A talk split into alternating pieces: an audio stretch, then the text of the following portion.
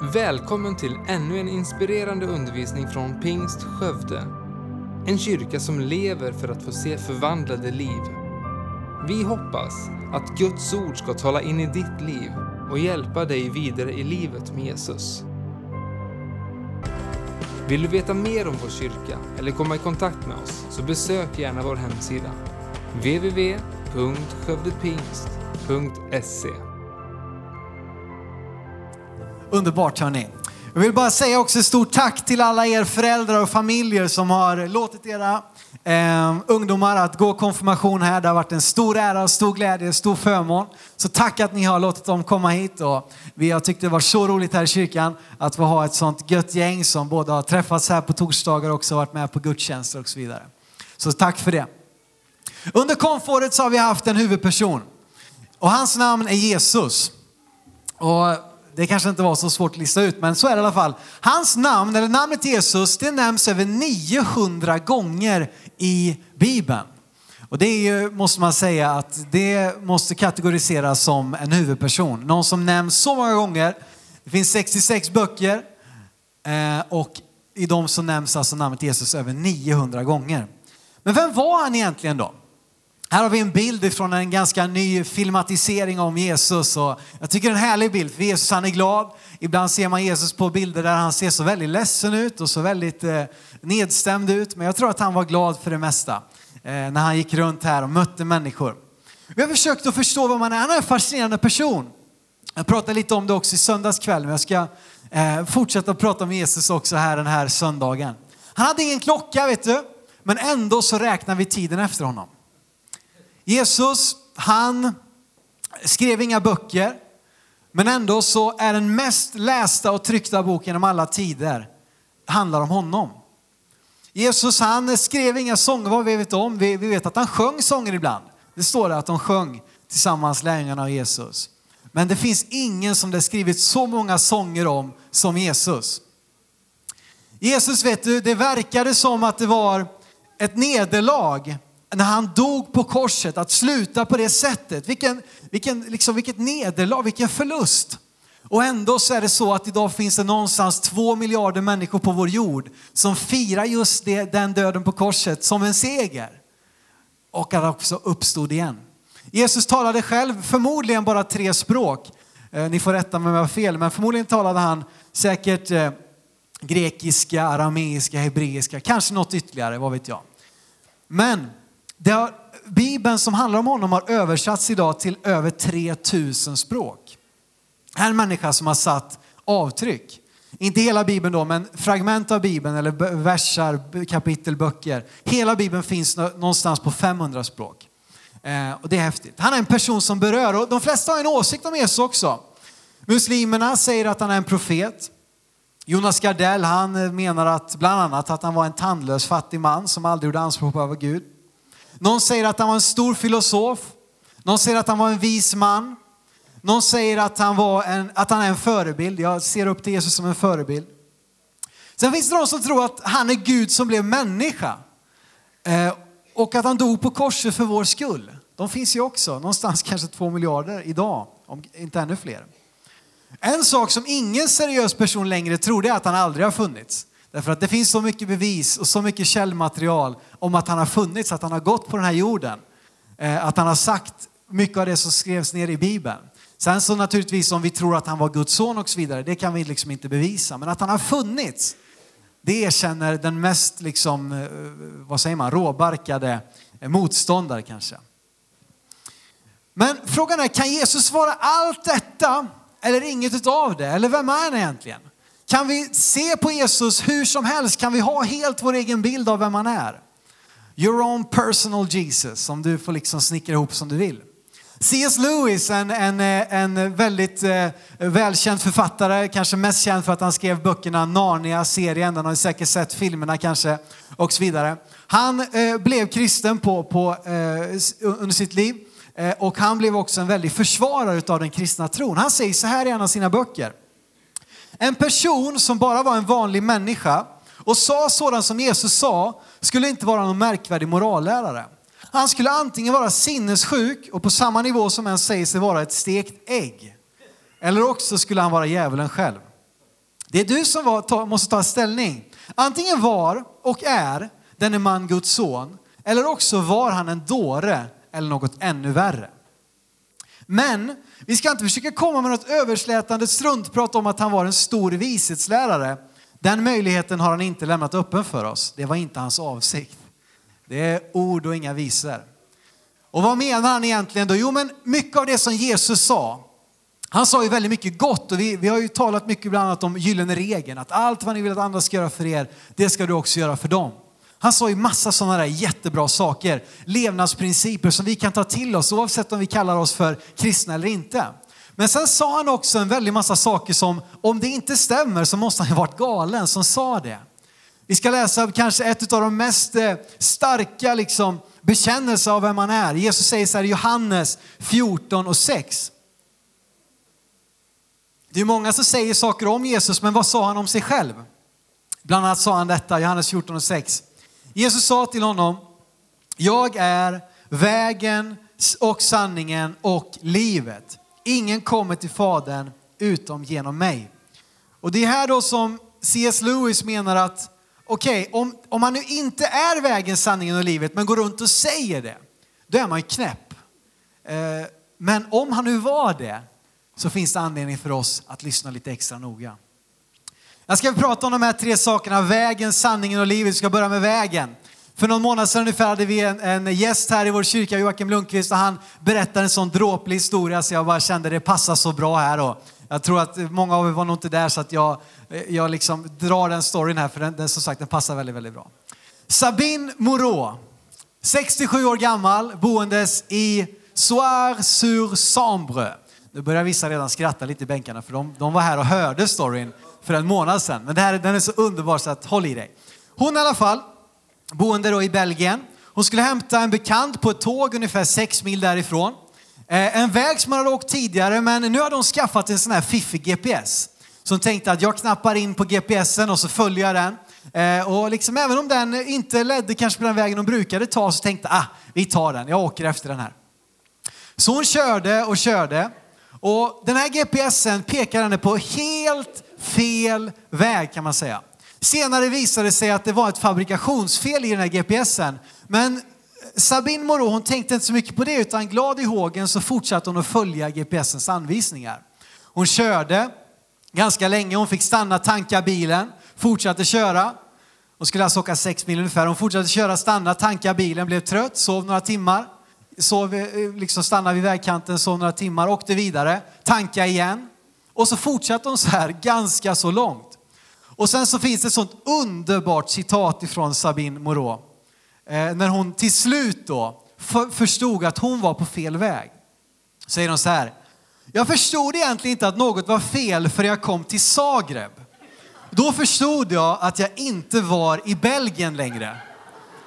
Och för dig nu som inte har så koll på geografin så Zagreb ligger alltså i Kroatien. Så här har hon alltså åkt genom fem länder, genom hel, liksom halva Europa.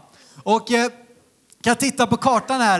Här har hon alltså tagit sig från då Belgien, från Soar-sur-Sambre. Hon skulle åka sex mil. Hon har åkt 140 mil genom Tyskland, genom Österrike, genom Slovenien, in i Kroatien, ända fram till Zagreb. Då förstod hon att hon inte var i Belgien längre. Och eh, det är ju en helt underbar story och den, den finns alltså att läsa. Ni kan slå upp detta, ni, liksom, man tror inte det är sant. va. Men hon gjorde detta eh, och eh, det det skrivits en del artiklar om det. Och vid det här laget så var ju hennes, man, eller hennes son var det, han var helt vettskrämd, det har gått ungefär två dygn. Så han ringde polisen och liksom, de var på väg att starta igång en liksom omfattande eftersökningar för att hitta denna Sabine Moreau, 67 år gammal, som inte har hört av sig på två dygn. Men när hon är i Zagreb då ringer hon hem och säger hallå, jag är i Zagreb. Eh, ni kan liksom stanna poliserna. Och det så sa hon sen till poliserna när de förhörde henne så sa hon så här bland annat också. Jag såg alla möjliga slags skyltar på olika språk, men jag funderade inte så mycket mer på det. Jag var nog helt enkelt distraherad och höll bara gaspedalen nedtryckt. distraherad är nog det minsta man kan säga. Och om du tycker kanske att din man eller din fru är dålig på att hitta så, så kan du alla alltid tänka på den här Sabine Moreau nästa gång du klagar allt för mycket. Men tycker att den här storyn säger någonting. Att tänk om det är så att ditt livs GPS pekar dig i en, i en riktning som du inte alls vill åka på. Tänk om det är så att den riktningen du har slått in på i livet, även om GPSen pekar ditåt, tänk om det är så att den kommer ta dig till en helt annan plats än den plats som du hade önskat att hamna på. Jag tror att det kan vara så många gånger att helt ovetandes, vi reflekterar inte. Vi kanske är distraherade, vi håller helt enkelt gaspedalen nedtryckt. Livets eh, liksom hjul, det bara snurrar på. Ehm, men i detta så tror jag det är så viktigt att stanna till, tänka efter. Och här säger Jesus att jag är vägen. Och i Saltaren 119.105 så säger Jesus så här. Ditt, eller står det, inte Jesus säger inte så här, men det står så här om Guds ord. Att ditt ord är mina fötters lykta och ett ljus på min stig. Alltså att Guds ordet, Bibeln, att den vill hjälpa dig hitta riktningen, hitta vägledningen. Som jag sa, en handbok för livet. Att komma på rätta vägar. Jesus sa att han är vägen. Och han vill leda dig och mig, var och en av oss, så att vi får gå den väg som han vill staka ut. Vidare sa Jesus att han är sanningen. Och det här är ju alltså, han sticker ut alltså. säga idag i Sverige att någonting är sanning, det är ju värre än att svära i kyrkan. Därför att vi är beredda att, att omfamna det mesta. Jo men det är väl bra, det är väl härligt och det finns en väldig öppenhet idag för det allra mesta. Men just om någon kommer och säger att något skulle vara sant, för det betyder ju att något måste vara fel. Och det kan ju betyda att det är jag som har fel. Och därför så kan det vara väldigt smärtsamt ibland att höra att någon säger att någonting är sanning. Pilatus myntar de bevingade orden, vad är sanning? Och det där är någonting som vi säkert funderar på vidare. Men jag tror att den här ständiga öppenheten för att det inte finns några liksom absoluta sanningar och man kan säga allt är relativt och man kan ha alla möjliga sådana här filosofiska inriktningar. Men jag tror att det lämnar oss med väldigt vilsenhet för jag tror att vi i oss själva söker efter svar. Vi söker inte bara efter tusen möjligheter. Du vet det är som att gå och köpa fil va. Det är, liksom, det är inte bara en fil, det finns ju 30 olika filsorter. Kan ingen bara säga till mig, det här är filen liksom. Utan då ska man försöka liksom hitta rätt där och navigera och den har den bakteriekulturen och den har den hållbarheten och den kommer från det mejeriet och det är svenska kossor och det är tyska kossor och den har det liksom. Och jag tror ibland att den här väldiga valmöjligheten inte alltid bara är en välsignelse utan tvärtom så tror jag att den ibland eh, är ganska jobbig faktiskt. Här kommer Jesus och säger, jag är sanningen. Men kan vi lita då på att Jesus är den han säger sig vara? Vi ska läsa, eh, eller kolla på en, en insändare som skrevs i Aftonbladet för några år sedan. Där det var några debattörer som skrev så här, Jesus, han är historiens största sanning. Och så debatterade de för att det finns ingen annan person i världshistorien som har sådana liksom, eh, eh, goda eh, källor som har sådana trygga källor. Vi ska inte gå in på djupet på detta, du kan studera det. Och jag utmanar dig att göra det, du som kanske eh, funderar mycket på de här sakerna. Om vi bara jämför med en person, Julius Caesar. En välkänd eh, person, jag tror alla ni känner till honom, Julius Caesar vet ni som, som då eh, erövrade Gallien och liksom han, han blev kejsare och så vidare. Inte så många ifrågasätter att Caesar gjorde och sa det han sa och gjorde. Att han sa att nu är tärningen kastad när han gick över floden Rubikon, han skulle inta sitt eget hemland. Du vet att det där, ja men det är klart att han sa det, eller att han intog Gallien och så vidare. Men om man tittar till exempel på hans galliska krig så finns det tio stycken, kan lägga upp det, tio stycken original ungefär om, om detta Julius Caesar, jag tror det är de galliska krigen. Och det tidigaste är daterat, alltså originalet från 900 efter Kristus. Du som kan din Julius Caesar vet att han levde ju före Kristus. Alltså originalen vi har bevarade tusen år senare efter att han levde. Och ändå så tror jag inte att vi är så många kanske som skulle vilja säga nej men vi kan inte lita på något som har sagts om Julius Caesar. Det är inte det som är min poäng. Men bara jämför med Nya Testamentet. Nya Testamentet, där finns det ungefär 5000 olika originalanskrifter. Som på ursprungsspråket grekiska ska tilläggas. Lägger man till eh, arameiska, hebreiska och latin då får man många, många fler. Den tidigaste är från cirka 125 efter Kristus, alltså eh, 30-35 år efter att den sista boken skrevs i Nya Testamentet. Eh, och hela Nya Testamentet finns bevarat från 300-talet. Och det jag vill säga bara är ju att man kan ju känna sig, men kan man lita på det här? Ja, men du kan lita på det. Att det är sant det som står där. Liksom att, att det var det som hände, att det var det som sades. Sen så om man väljer att tro på att det skedde och så vidare, eh, eh det är en annan sak. Men det finns en väldig trygghet i att veta att Jesus och Nya Testamentets texter har en väldigt bra eh, eh trovärdighet. Lee Strobel, en flerfaldig eh, prisbelönad reporter som bland annat jobbar på Chicago Tribune i Chicago. Han bestämde sig för att han skulle granska fallet Jesus.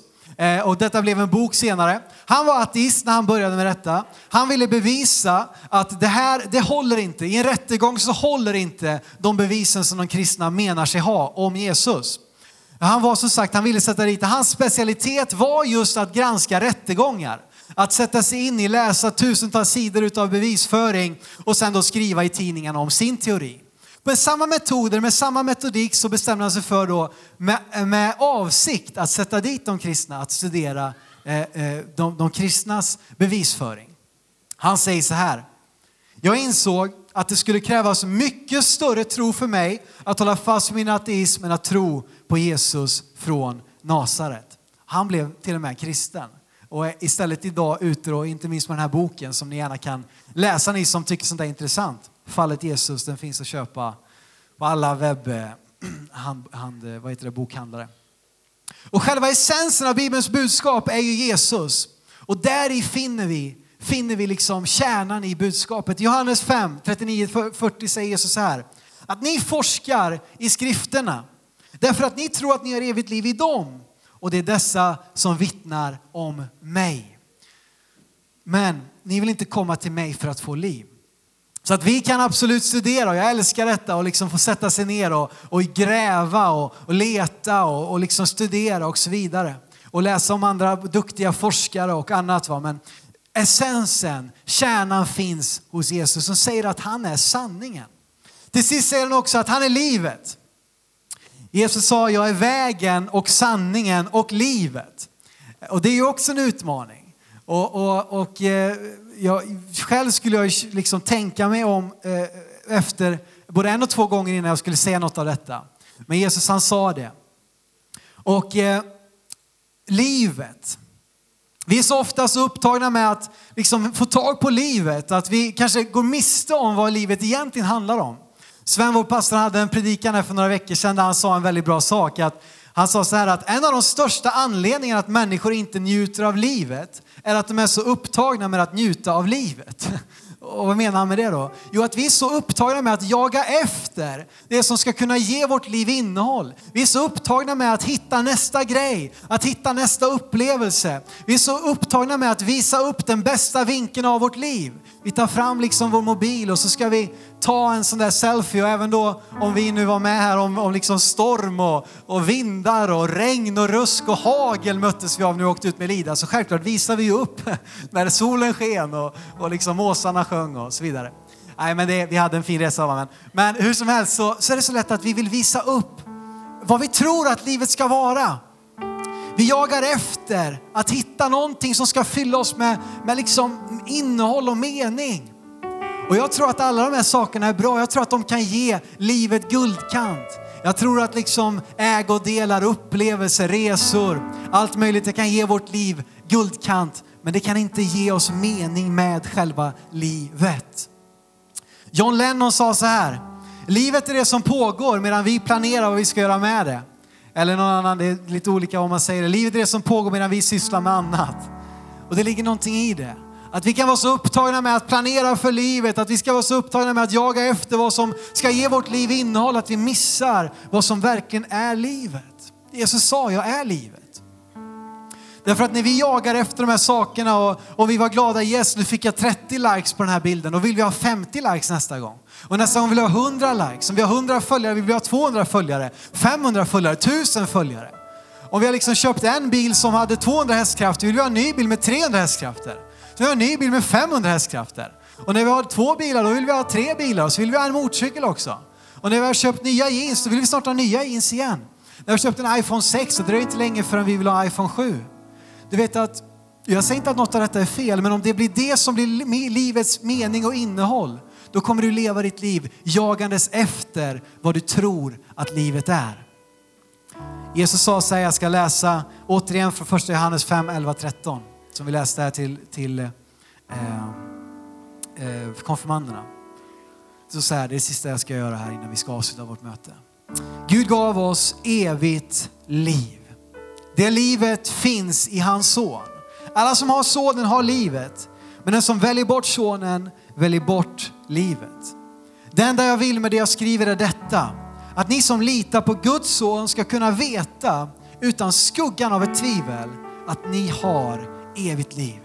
Det verkliga livet istället för det skenbara. Jesus är vägen, sanningen och livet. Det verkliga livet finns hos honom. Det andra blir en kopia, en cover på originalet. Och min uppmaning är inte att liksom pracka på dig någonting men att få dig att stanna upp. Är jag på väg, gå min väg dit jag tror att den kommer leda? Eller vart tar den här vägen mig? Vart är GPSen på väg att föra mig? Kanske att det är helt fel riktning. Och då om du vill så säger Jesus att välkommen. Jag vill ge dig ett verkligt liv. Jag vill ge dig ett liv som inte bara handlar om nästa grej utan som handlar om vad jag har gjort för dig och där du kan få ett värde i vad jag ser på dig och inte hur andra ser på dig. Kan gärna låtsasteamet gärna komma fram och vi ska sjunga en sång. Tack för att du lyssnat. Titta gärna in på vår hemsida www.skövdepingst.se för att få veta mer om oss. Och glöm inte att du alltid är välkommen till vår kyrka